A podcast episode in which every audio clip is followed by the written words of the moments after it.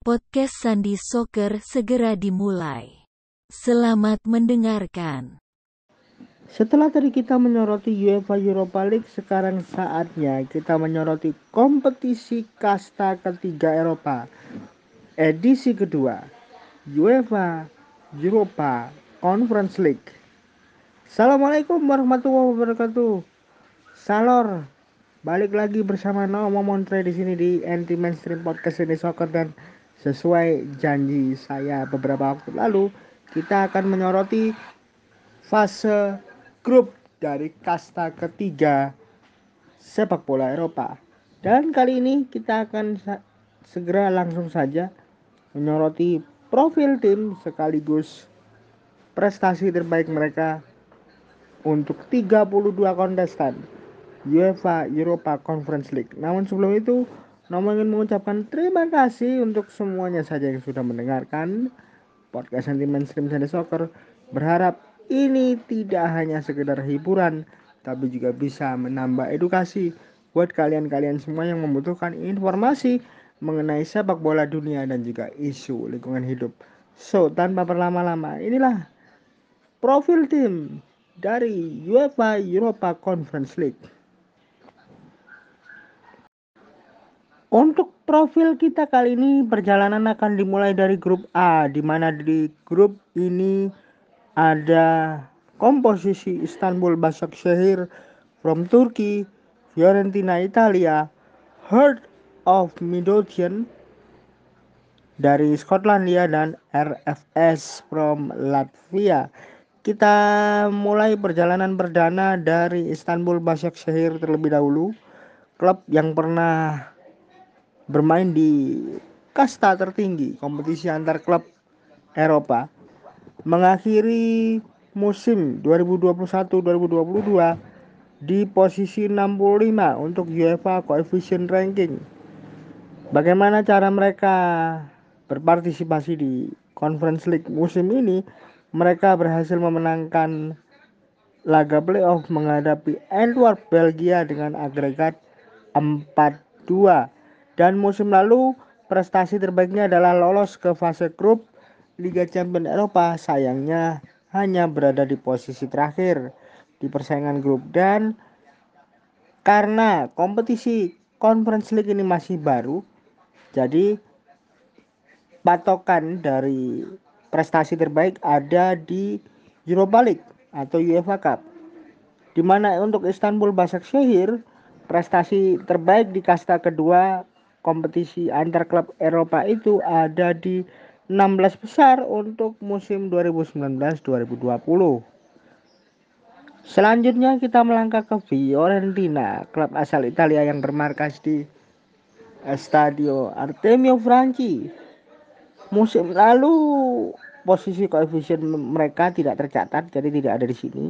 Dan mereka berhasil berpartisipasi di fase grup Conference League musim ini setelah memenangkan laga playoff menghadapi Twente Enschede dari Belanda. Dan musim lalu tidak ada satupun kompetisi antar klub Eropa yang diikuti. Bahkan terakhir kali Fiorentina mengikuti kompetisi antar klub pada musim 2016-17. Dan prestasi terbaik mereka La Viola di UEFA Cup atau UEFA Europa League adalah runner up di musim 1989-1990.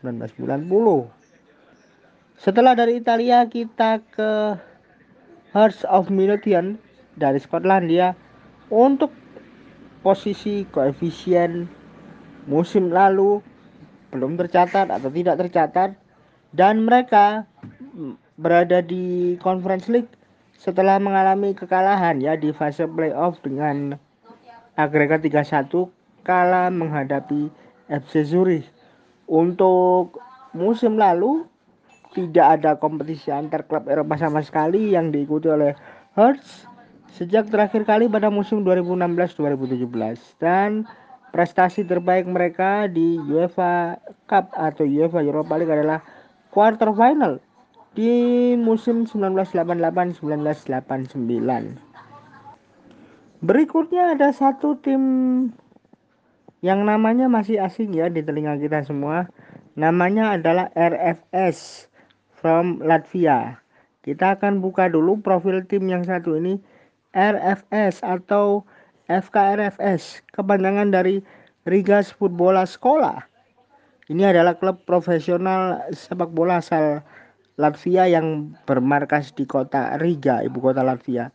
Nama kompetisi di Latvia adalah First Liga atau top flag di sana ya. Top flag di kompetisi paling atas.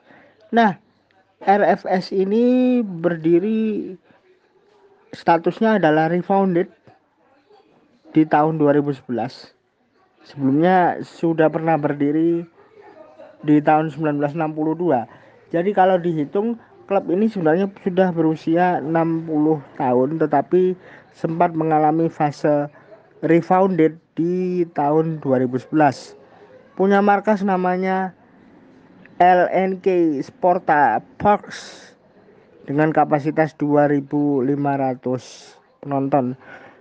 Nanti kita akan lihat ya, kita akan bedah juga di sini dengan kapasitas seperti ini, apakah akan bermain di tempat netral? Mengingat UEFA punya standar sendiri.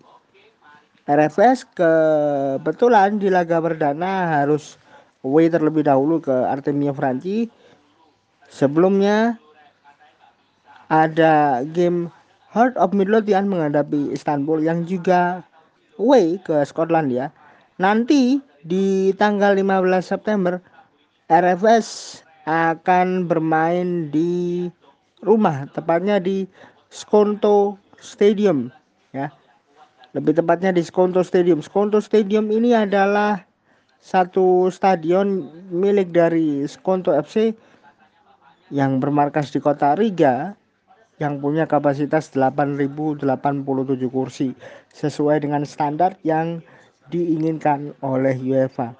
Balik lagi ke profil tim RFS asal Latvia ini punya posisi di 285 untuk UEFA coefficient ranking musim lalu. Mereka berhasil masuk ke fase grup setelah mengalahkan Linfield lewat adu penalti di babak playoff setelah sebelumnya bermain imbang secara agregat dengan skor 1-1. Kemudian musim lalu berada di fase ketiga. Fase ketiga untuk kompetisi ini juga ya. Di kualifikasi ketiga lebih tepatnya. Sayang kalah dari Hen dengan agregat 3-2 dan prestasi terbaik mereka di Europa League itu di kualifikasi pertama pada musim 2019-20 dan 2020-21. Kita melangkah ke grup B di mana di grup ini diisi oleh Anderlecht Belgia, kemudian FC SB atau yang sebelumnya bernama Stua Bukares, kemudian ada Silkeborg dan West Ham United sebagai salah satu unggulan. Kita akan bahas satu persatu dimulai dari West Ham terlebih dahulu. West Ham United yang bermarkas di kota London menempati posisi 74 di UEFA Coefficient Ranking musim lalu. Mereka berhasil masuk ke fase grup Conference League setelah memenangkan laga playoff menghadapi Viborg dengan agregat 6-1. Musim lalu mereka berhasil mencapai babak semifinal UEFA Europa League. Sayang kalah dari Eintracht Frankfurt dengan agregat 3-1. Dan itulah pencapaian dari The Hammers untuk kompetisi antar klub Eropa. Selanjutnya ada sang juara Liga Champion di tahun 1988 FC SP atau Stua Bukares di musim lalu, tim ini menempati posisi ke-92 untuk UEFA Coefficient Ranking. Dan bagaimana cara mereka memasuki atau berpartisipasi di UEFA Europa Conference League? Mereka berhasil memenangkan laga playoff menghadapi Viking dengan agregat 4-3. Sayangnya di musim lalu mereka terhenti di fase kualifikasi kedua untuk ajang conference setelah kalah dari Shakhtar Karagandi dengan adu penalti ya via adu penalti setelah bermain imbang agregat 2-2. Stua Bukares prestasi terbaiknya di Europa League adalah semifinal atau semifinalis di tahun 2005-2006. Kemudian kita melangkah ke tim ketiga ada Anderlecht Belgia, tim yang saat ini atau musim lalu ya, musim lalu menempati posisi 121 untuk UEFA coefficient ranking dan mereka berhasil menyingkirkan Young Boys dari Swiss untuk akhirnya berhasil melangkah ke fase grup Conference League. Yang Boys mereka singkirkan lewat adu penalti dengan skor 3-1 setelah sebelumnya bermain imbang agregat 1-1.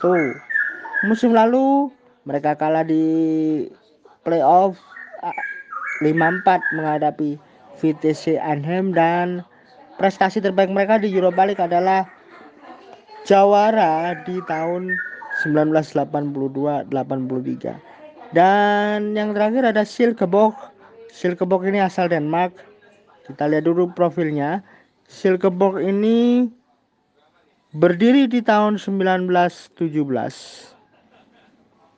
Berhasil mencapai level tertinggi dari sepak bola Denmark di 1987 dan menjadi salah satu tim tersukses di Denmark. Mereka berhasil memenangkan Danish Superliga di tahun 93-94, kemudian di posisi 3 di tahun 94-95, 2000-2001 dan 2021-2022. Nah, untuk Silkeborg FF sendiri ini punya stadion namanya GYSK Park atau JISK Park punya kapasitas 10.000 tempat duduk dan head coachnya adalah Ken Nielsen. Kita kembali ke tim asal Denmark ini. Untuk prestasinya di UEFA koefisien ranking mereka belum tercatat untuk musim lalu.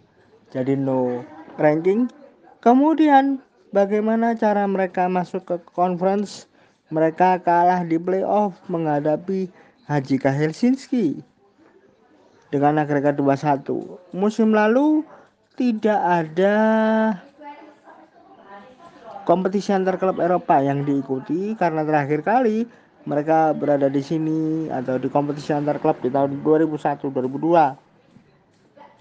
Dan prestasi terbaik di Europa League adalah qualifying playoff di musim 2022-2023. Itu adalah yang terbaik untuk Silkeborg. Selanjutnya kita melangkah ke grup C. Ada Austria Wien, Hapoel Beersheba, Lech Poznan dan Villarreal.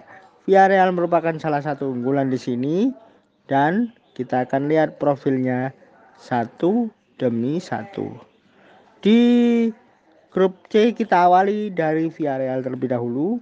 Villarreal merupakan tim yang musim lalu menempati posisi 18 untuk UEFA Coefficient Ranking dan mereka berhasil masuk ke conference setelah mengalahkan Hajduk Split dari Kroasia dengan agregat 6-2. Musim lalu berada di Champions League semifinal. Kalah agregat 5-2 dari Liverpool dan prestasi mereka adalah juara Europa League di musim 2020-2021 setelah mengalahkan United lewat adu penalti.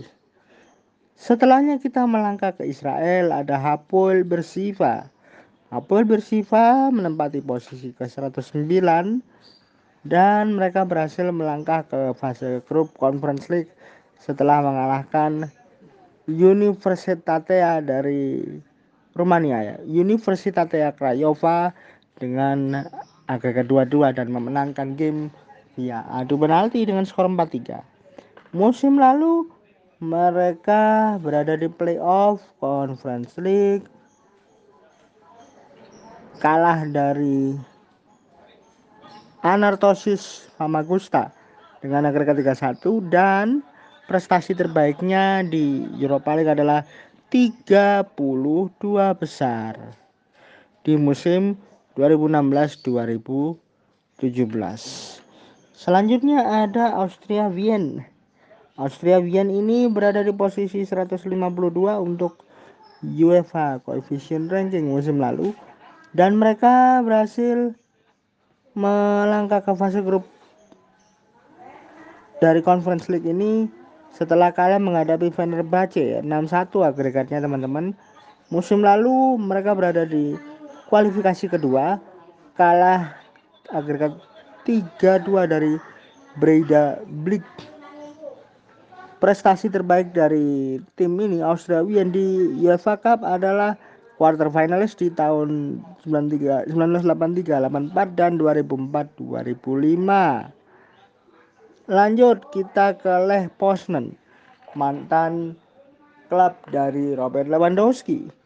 Klub asal Polandia ini menempati posisi ke-208 dan mereka berhasil melangkah ke fase grup Conference League ini setelah mengalahkan Dudelange. Dudelange kalah dengan agregat 3-1 dan musim lalu tidak ada kompetisi antar klub Eropa apa pun yang diikuti sejak terakhir kali tahun 2020-2021. Dan prestasi terbaik dari klub ini di kompetisi antar klub kasta kedua adalah 32 besar di musim 2008-2009. Selanjutnya kita melangkah ke grup D. Di sana ada FC Köln, Nice, Partizan Belgrade dan Slovako. Kita menuju ke Partizan terlebih dahulu sebagai salah satu unggulan di mana tim ini asal Serbia menempati posisi ke-67 di UEFA Coefficient Ranking musim lalu dan mereka berhasil melangkah ke fase grup UEFA Conference League setelah mengarahkan Hamrun dengan agregat 7-4.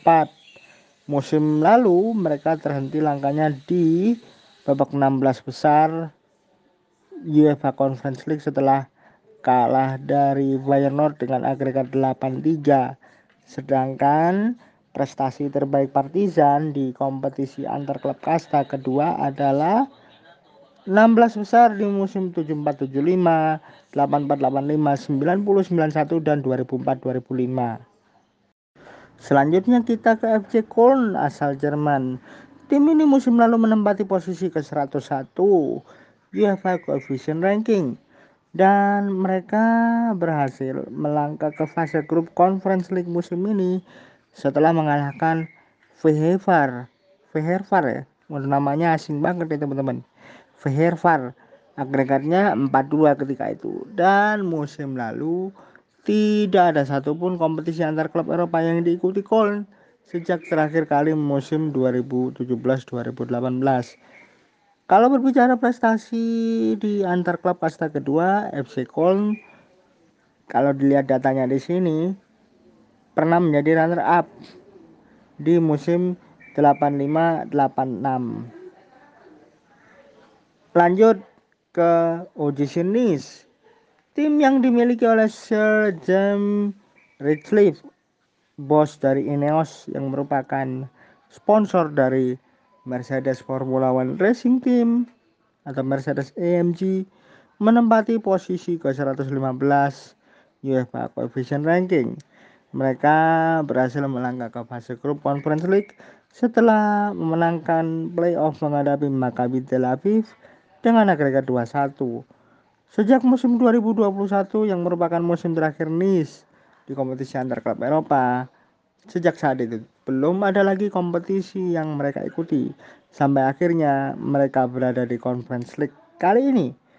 Kalau berbicara mengenai prestasi di kasta kedua, Nice punya cerita sampai 32 besar saja dan itu terjadi pada musim 2017-18. Selanjutnya ada Slovako dari Republik Ceska. Tim ini namanya masih asing dan kita akan bedah nanti. Sebelum kita bedah, tim ini menempati posisi 220 ya di uh, coefficient ranking UEFA musim lalu dan mereka berhasil melangkah ke fase grup setelah mengalahkan AIK dengan agregat 4-0.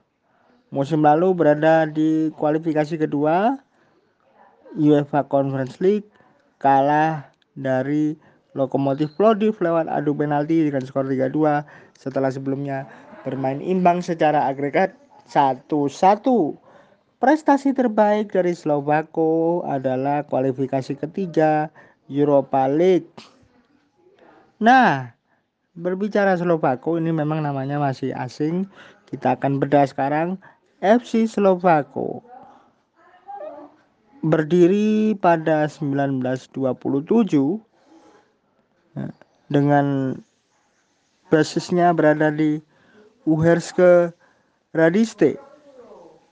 Dan sempat mengalami refounded ya, sempat mengalami refounded pada 2000 ini diakibatkan karena FC Synod mengalami merger dengan Slovako atau dulunya bernama Stare Mesto. Nah, kalau kita lihat profilnya di sini, mereka punya stadion bernama Metski Futbalovi Stadion. Punya kapasitas 8.121 dan musim lalu tim ini berada di peringkat 4 Czech First League atau divisi 1 Liga Republik Ceska. Empat grup sudah terlewati, itu artinya perjalanan kita tinggal separuh lagi. Kita ke grup E, sekarang ada Apollon Limassol, kemudian EZ Akmar, Dnipro, dan juga Vaduz. Kita, kita melangkah ke Asia Akmal terlebih dahulu. Tim ini musim lalu menempati posisi ke-58 dan berhasil berpartisipasi di Conference League setelah mengalahkan Gil Vicente dari Portugal dengan agregat 6-1. Musim lalu mereka terhenti langkahnya di 32 besar di kompetisi yang sama ya kalah dari Bodo Glimt kalah dari Bodo Glimt dengan agregat 4-3 dan prestasi terbaik Asia Akbar di Europa League adalah runner up di musim 1980-81. Selanjutnya ada Apollon Limassol Siprus.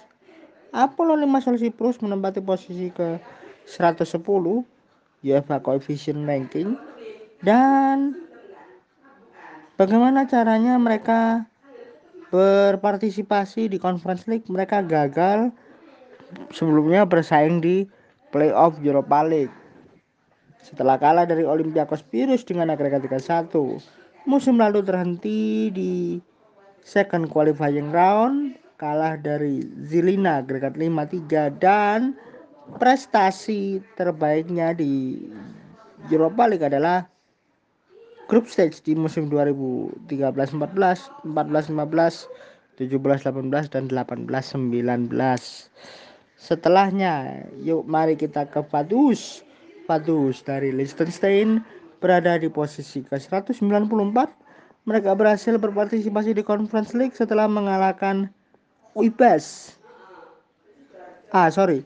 Setelah mengalahkan Rapid Wien dari Austria. Uipes catatannya musim lalu nih.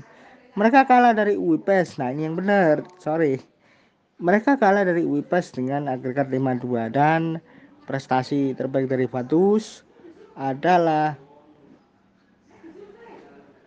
qualifying round ketiga di Europa League musim 2009-2010, 2010-2011, 2015-2016 dan 2019-2020.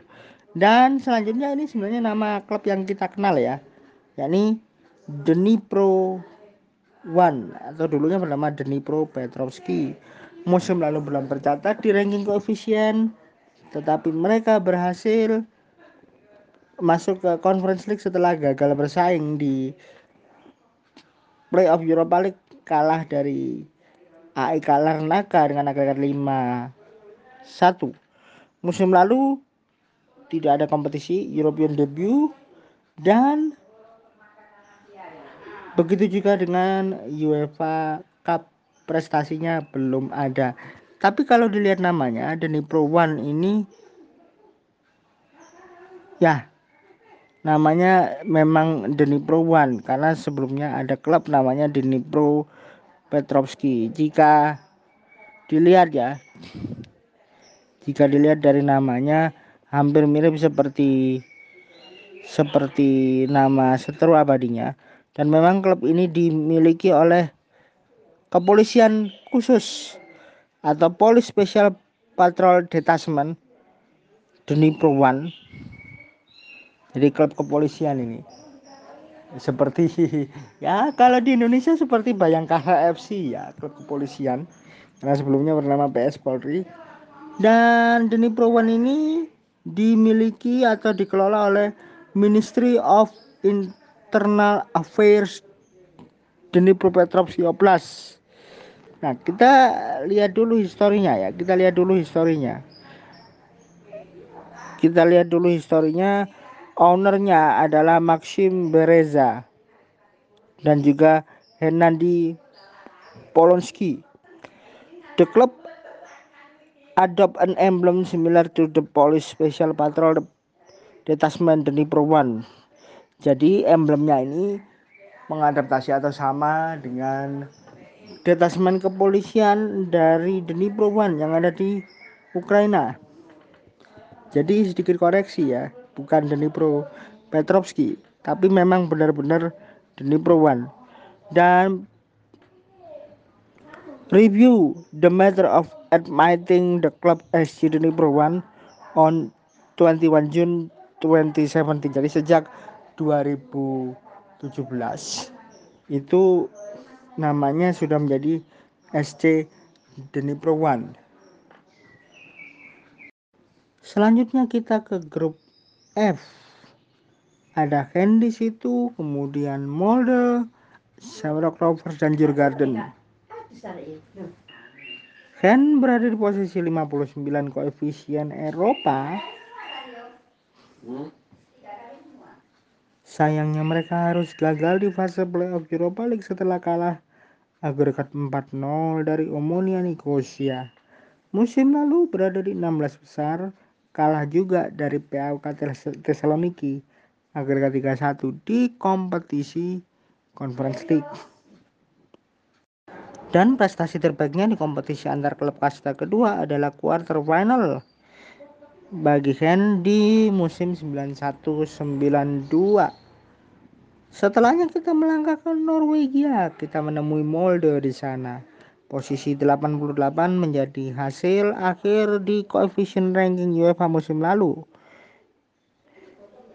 Playoff mereka menang dari Wolfsburg itu menjadi jalan bagi mereka untuk masuk ke Conference League musim ini. Dan musim lalu mereka terhenti langkahnya di kualifikasi ketiga menghadapi Trabzonspor untuk Conference League setelah sebelumnya ka, e, bermain imbang ya bermain imbang skor 4-4 dan kalah 4-3 lewat adu penalti. Performa terbaik adalah posisi 16 besar di musim 2020-2021. Selanjutnya ada Shamrock Rovers dari Irlandia. Tim yang berperingkat 171 ini berhasil melangkah ke Conference League setelah sebelumnya di Europa League Playoff kalah dari Varos dengan agregat 4-1.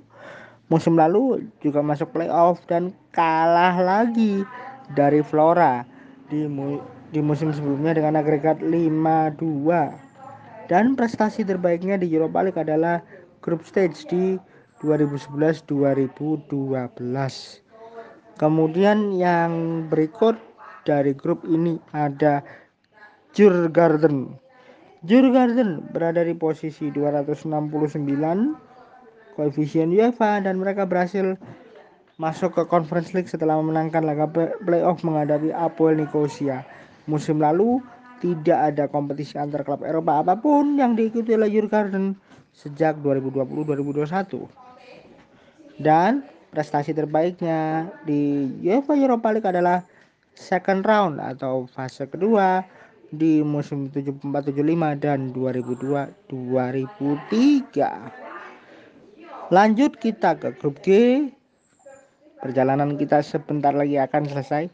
Di grup G ada Balkani, ada Sivaspor, Siever Clutch dan Slavia Prah. Kita awali dulu dari Slavia Prah berada di posisi 32 koefisien musim lalu mereka berhasil mengalahkan Rakau untuk melangkah selanjutnya ke fase grup Conference League. Rakau mereka kalahkan dengan agregat 3-2. Musim lalu mereka terhenti langkahnya di quarter final kalah dari Bayern North dan prestasi terbaiknya di UEFA Europa League adalah semifinalis di tahun 95-96. Selanjutnya ada Sivaspor Turki. Tim yang berada di posisi 188 koefisien ranking UEFA musim lalu ini berhasil melangkah ke Conference League setelah sebelumnya gagal bersaing menghadapi Malmo dan kalah agregat 5-1 di playoff. Dan musim lalu mereka kalah juga nih dari Copenhagen di playoff dengan agregat 7-1. Tetapi prestasi terbaik dari klub ini adalah Europa League fase grup di musim lalu. Kemudian kita ke tim debutan. Ada Balkani dari Kosovo. Mereka berhasil masuk ke conference setelah mengalahkan Scoopy di babak playoff dengan agregat 3-1. Tim ini debutan asal Kosovo.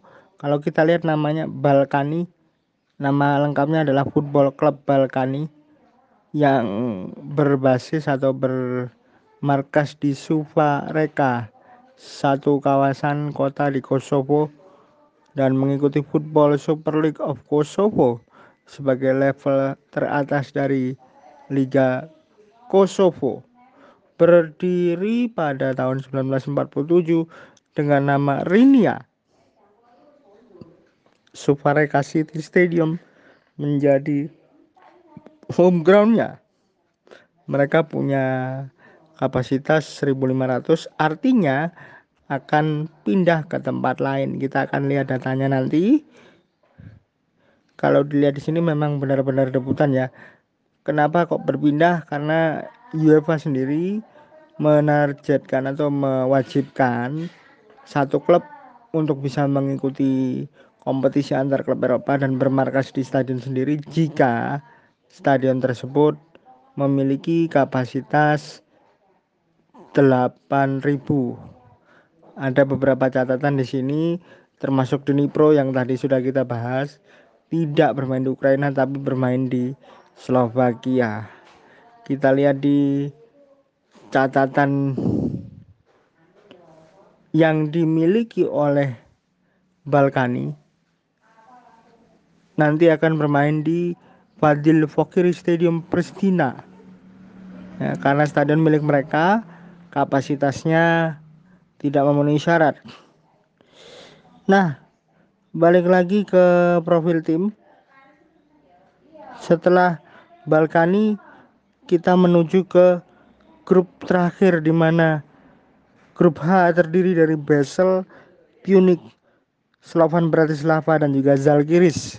Basel kita ikuti dulu profilnya berada di peringkat 29 UEFA dan berhasil memenangkan laga playoff menghadapi CSKA Sofia dengan agregat 2-1 untuk mereka bisa melangkah ke fase grup Conference League dan musim lalu kalah di 16 besar ya, kalah dari Marseille, kalah dari Marseille 4-2 di kompetisi yang sama.